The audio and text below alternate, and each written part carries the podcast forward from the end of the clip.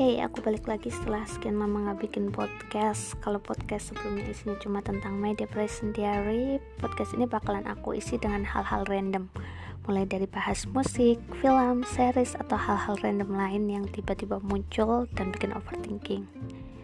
Podcast ini aku buat untuk orang aneh kayak aku, jadi orang normal harap menyingkir.